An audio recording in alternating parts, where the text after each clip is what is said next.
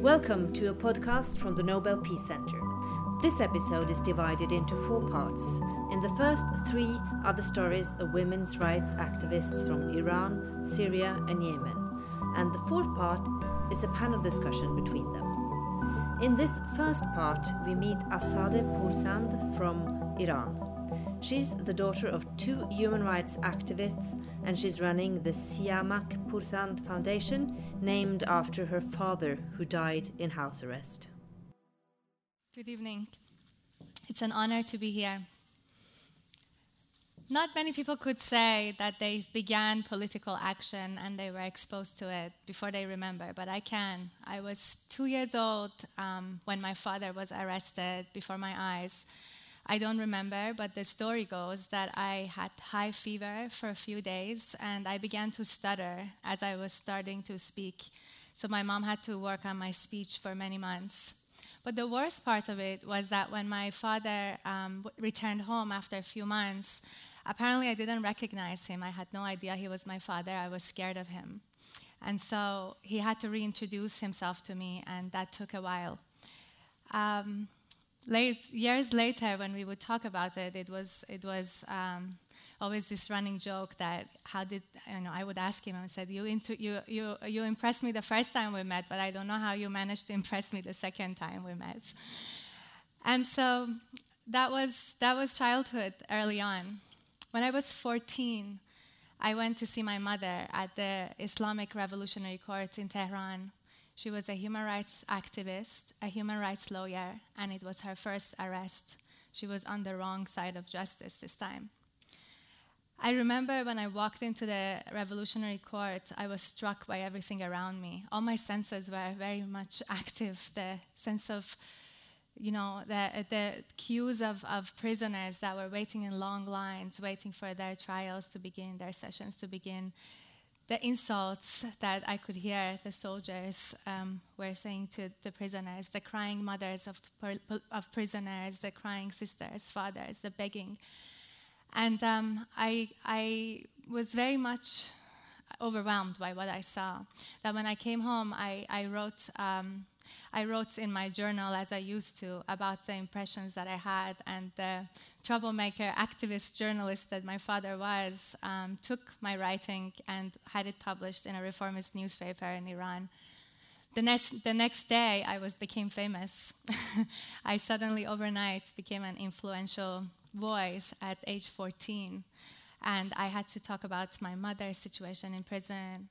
And by way of that, I began to sort of look around me and, and see a lot of the injustice. And I, I began to talk more in general about the situation of others in my mother's shoes. Um, and so on. So, you know, things change really fast. And also at home, I had started to be a little bit less of the youngest child of the household and more, um, if you will, the caregiver of, of uh, a very strong woman who was my mother, and a very strong man who was my father.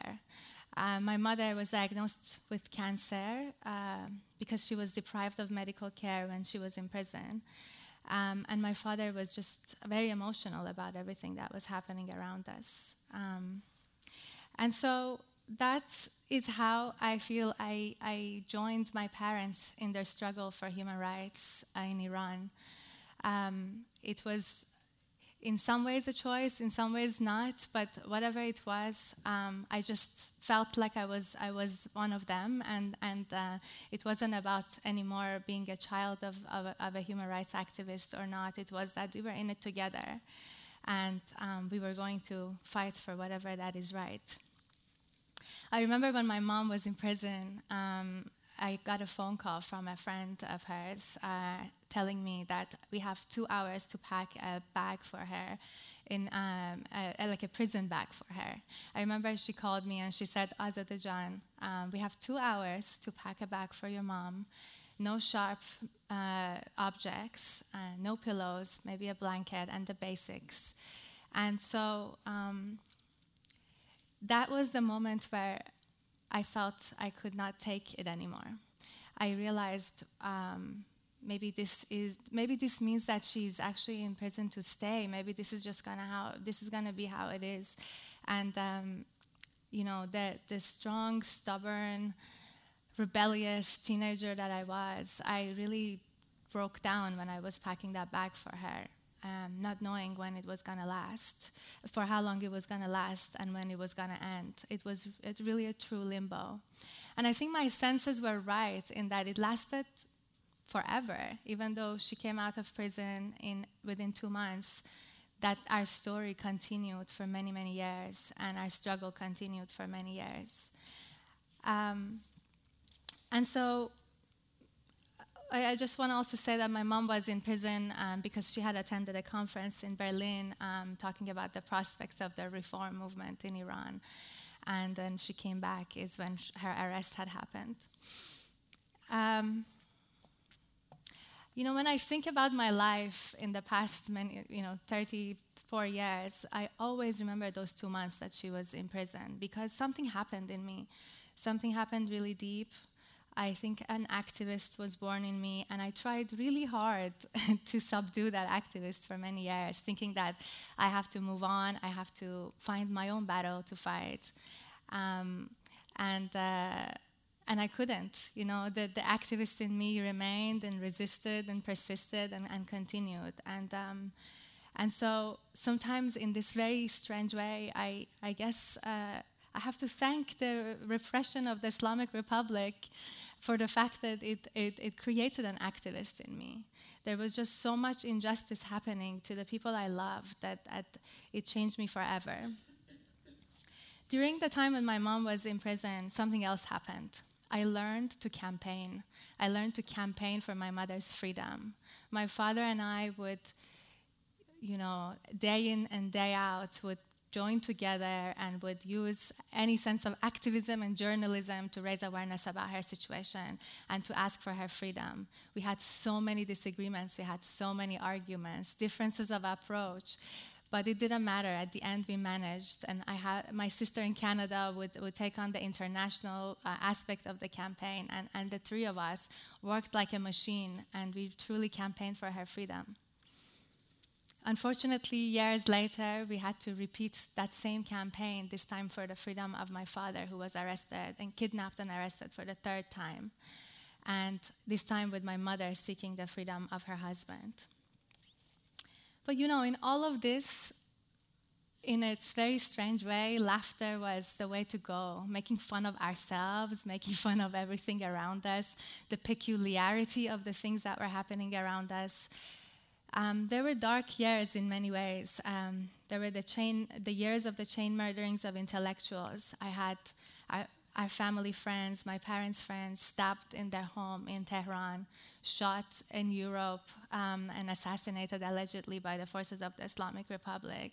My parents' names were on the lists that were coming out um, by anonymous sources of the intellectuals to be killed. We were in hiding, and so on. But in all of that, when I look back, I remember that we were somehow always some take, finding a refuge, finding a shelter in Tehran and spending the evening laughing and, you know, eating and drinking and, and just joking. And, and so I think that that's what that's the key to our survival.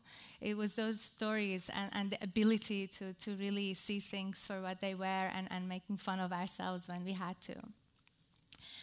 I don't know why, but I never questioned my, my parents for what they were doing and for the risk that they, they, put, um, they were putting my, my sister and I in by the choices that they were making. Somehow I had this feeling that they're right. Um, you know, they were fighting for things like women's rights, freedom of expression, rule of law, children's rights, you name it. And I had never lived in a place where those things existed truly, but they sounded nice. And um, it seemed that when we didn't have them in a place like Iran, things were scary, like they were in my childhood. So I didn't see any reason why I shouldn't be there for them and support them. Um, I, I said all of this, but I want to emphasize that my childhood was a happy one. My youth was a happy one. Yes, it was complicated, but it was happy. I was a teen. I was a happy child. I was a later on. I was a teenager, rebellious. I um, I managed to have fun. I, I managed to you know uh, to do every mischievous thing that any teenager in the world can do. I fell in love, I fell out of love, I broke hearts, my heart was broken. When my parents were in, in prison, I still managed to go to school and have a few moments every day that I would forget about all the things that were happening at home. And it was just a simple teenager. Um, and I think that's what the world sometimes misses when we talk about countries like Iran. I think childhood and youth are probably the biggest threats against ideological machines like Iran. Um, and day in and day out, the, the, ideological machine tries really hard to diminish the childhood, the smiles, the ability to have fun, and they fail each time. It's just incredible how, imp- how powerful how powerful it is and how powerful we were as a child as children and how powerful today in Iran the Iranian youth and children are and so with all of this, I still, I still went to school that was run by an ideological um, system. Um, you know, we were told things like, um, we were told things like, you know, if, if your parents violate the rules of this country, which they claim to be Islam, you would go to hell, your parents would go to hell. And even though I believed in what they were doing, I sometimes would secretly use whatever prayers that I had learned from school and pray for them so they don't end up in hell. And so was the contradiction. I lived in the contradiction. We lived in those contradictions. And we somehow managed to. I appreciated my parents for who they were. At the same time, I, I learned throughout the years to manage the fears that were instilled in me by the school or by the authorities. My parents remained in Iran for as long as they could. They had all the reasons to leave after the Islamic Revolution. They didn't. They stayed for many, many years 20 or so years. My mother worked um, as a lawyer. But unfortunately, even the, the imprisonment, the torture, none of those things made them leave Iran. But what happened is that when my mother was arrested during her interrogations, she was being um, threatened. Um, uh, they used her being a mother to threaten me. They said that they will hurt her, her daughter. And this, was, this is what my, pushed my mom to the edge, and that's how we left Iran, my mother and I. And that's how gradually exile began, which is, an eter- which is an eternal form of displacement, which is peculiar, and which is, uh, which is there to stay when you, like me, choose to not let go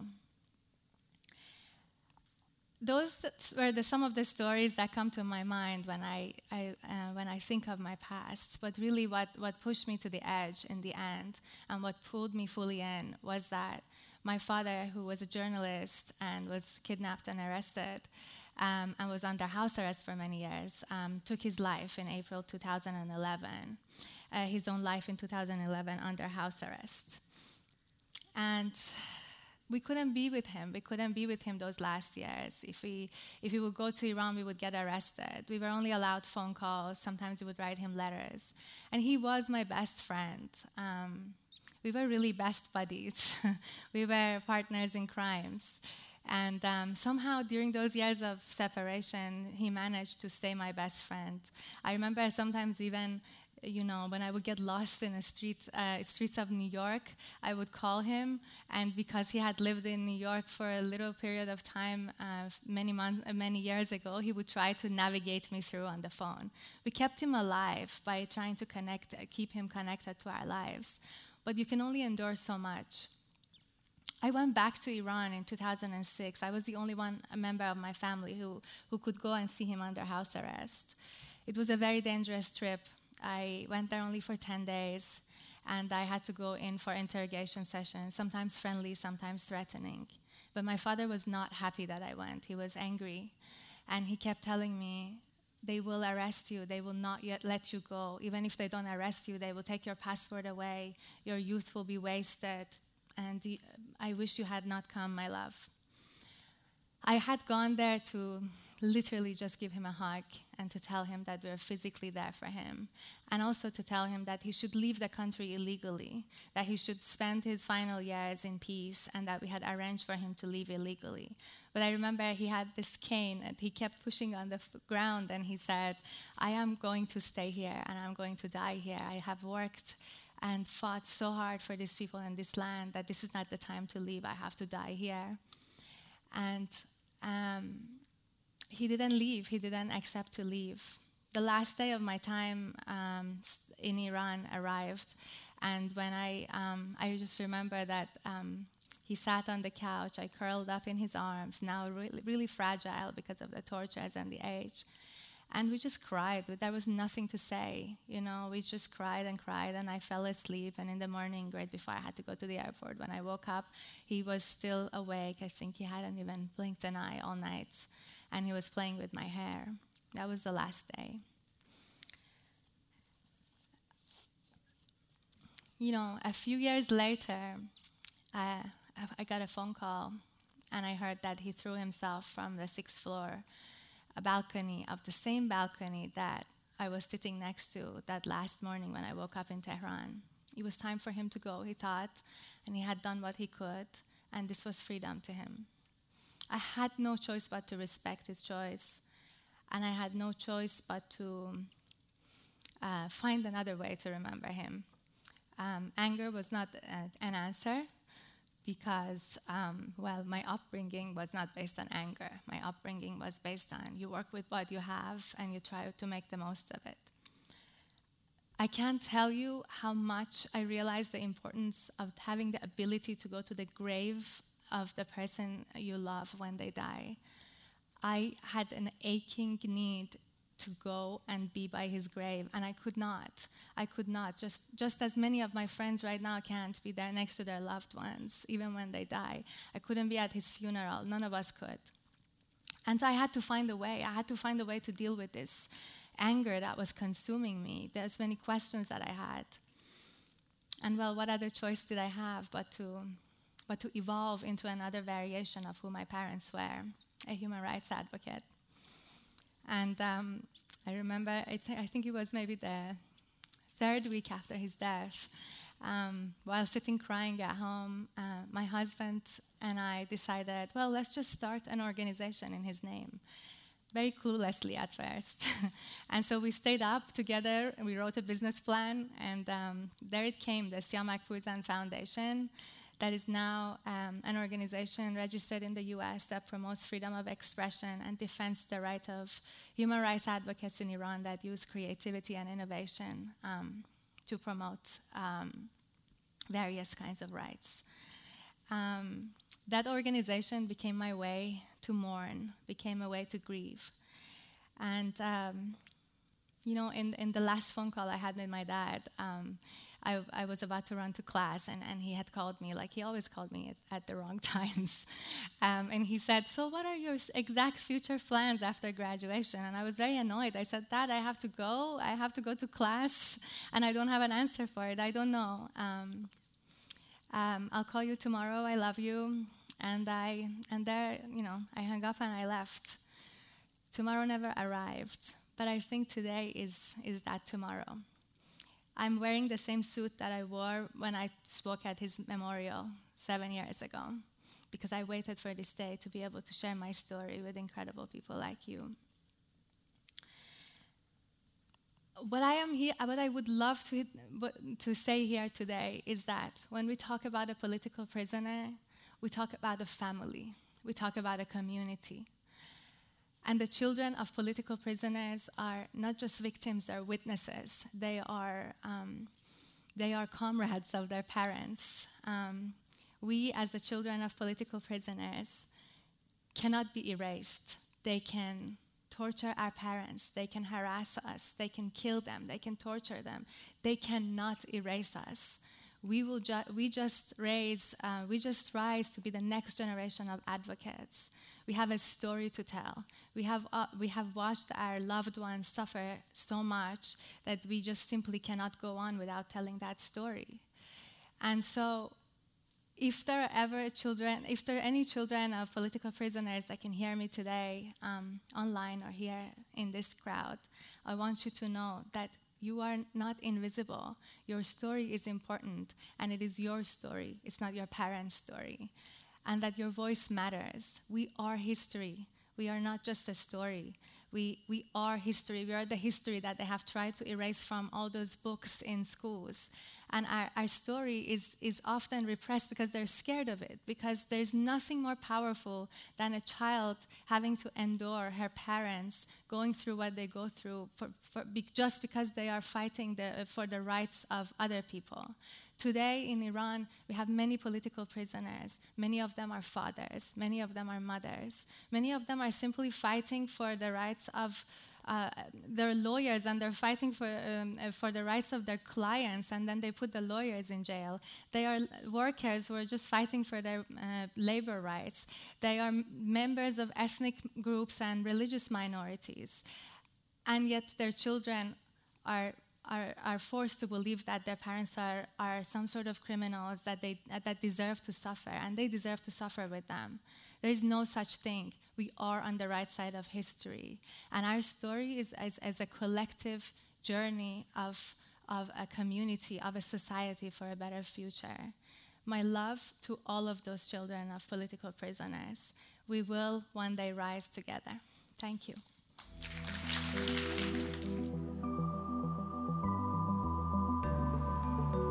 This was a podcast by the Nobel Peace Center, made in cooperation with Oslo Women's Rights Initiative and Civita.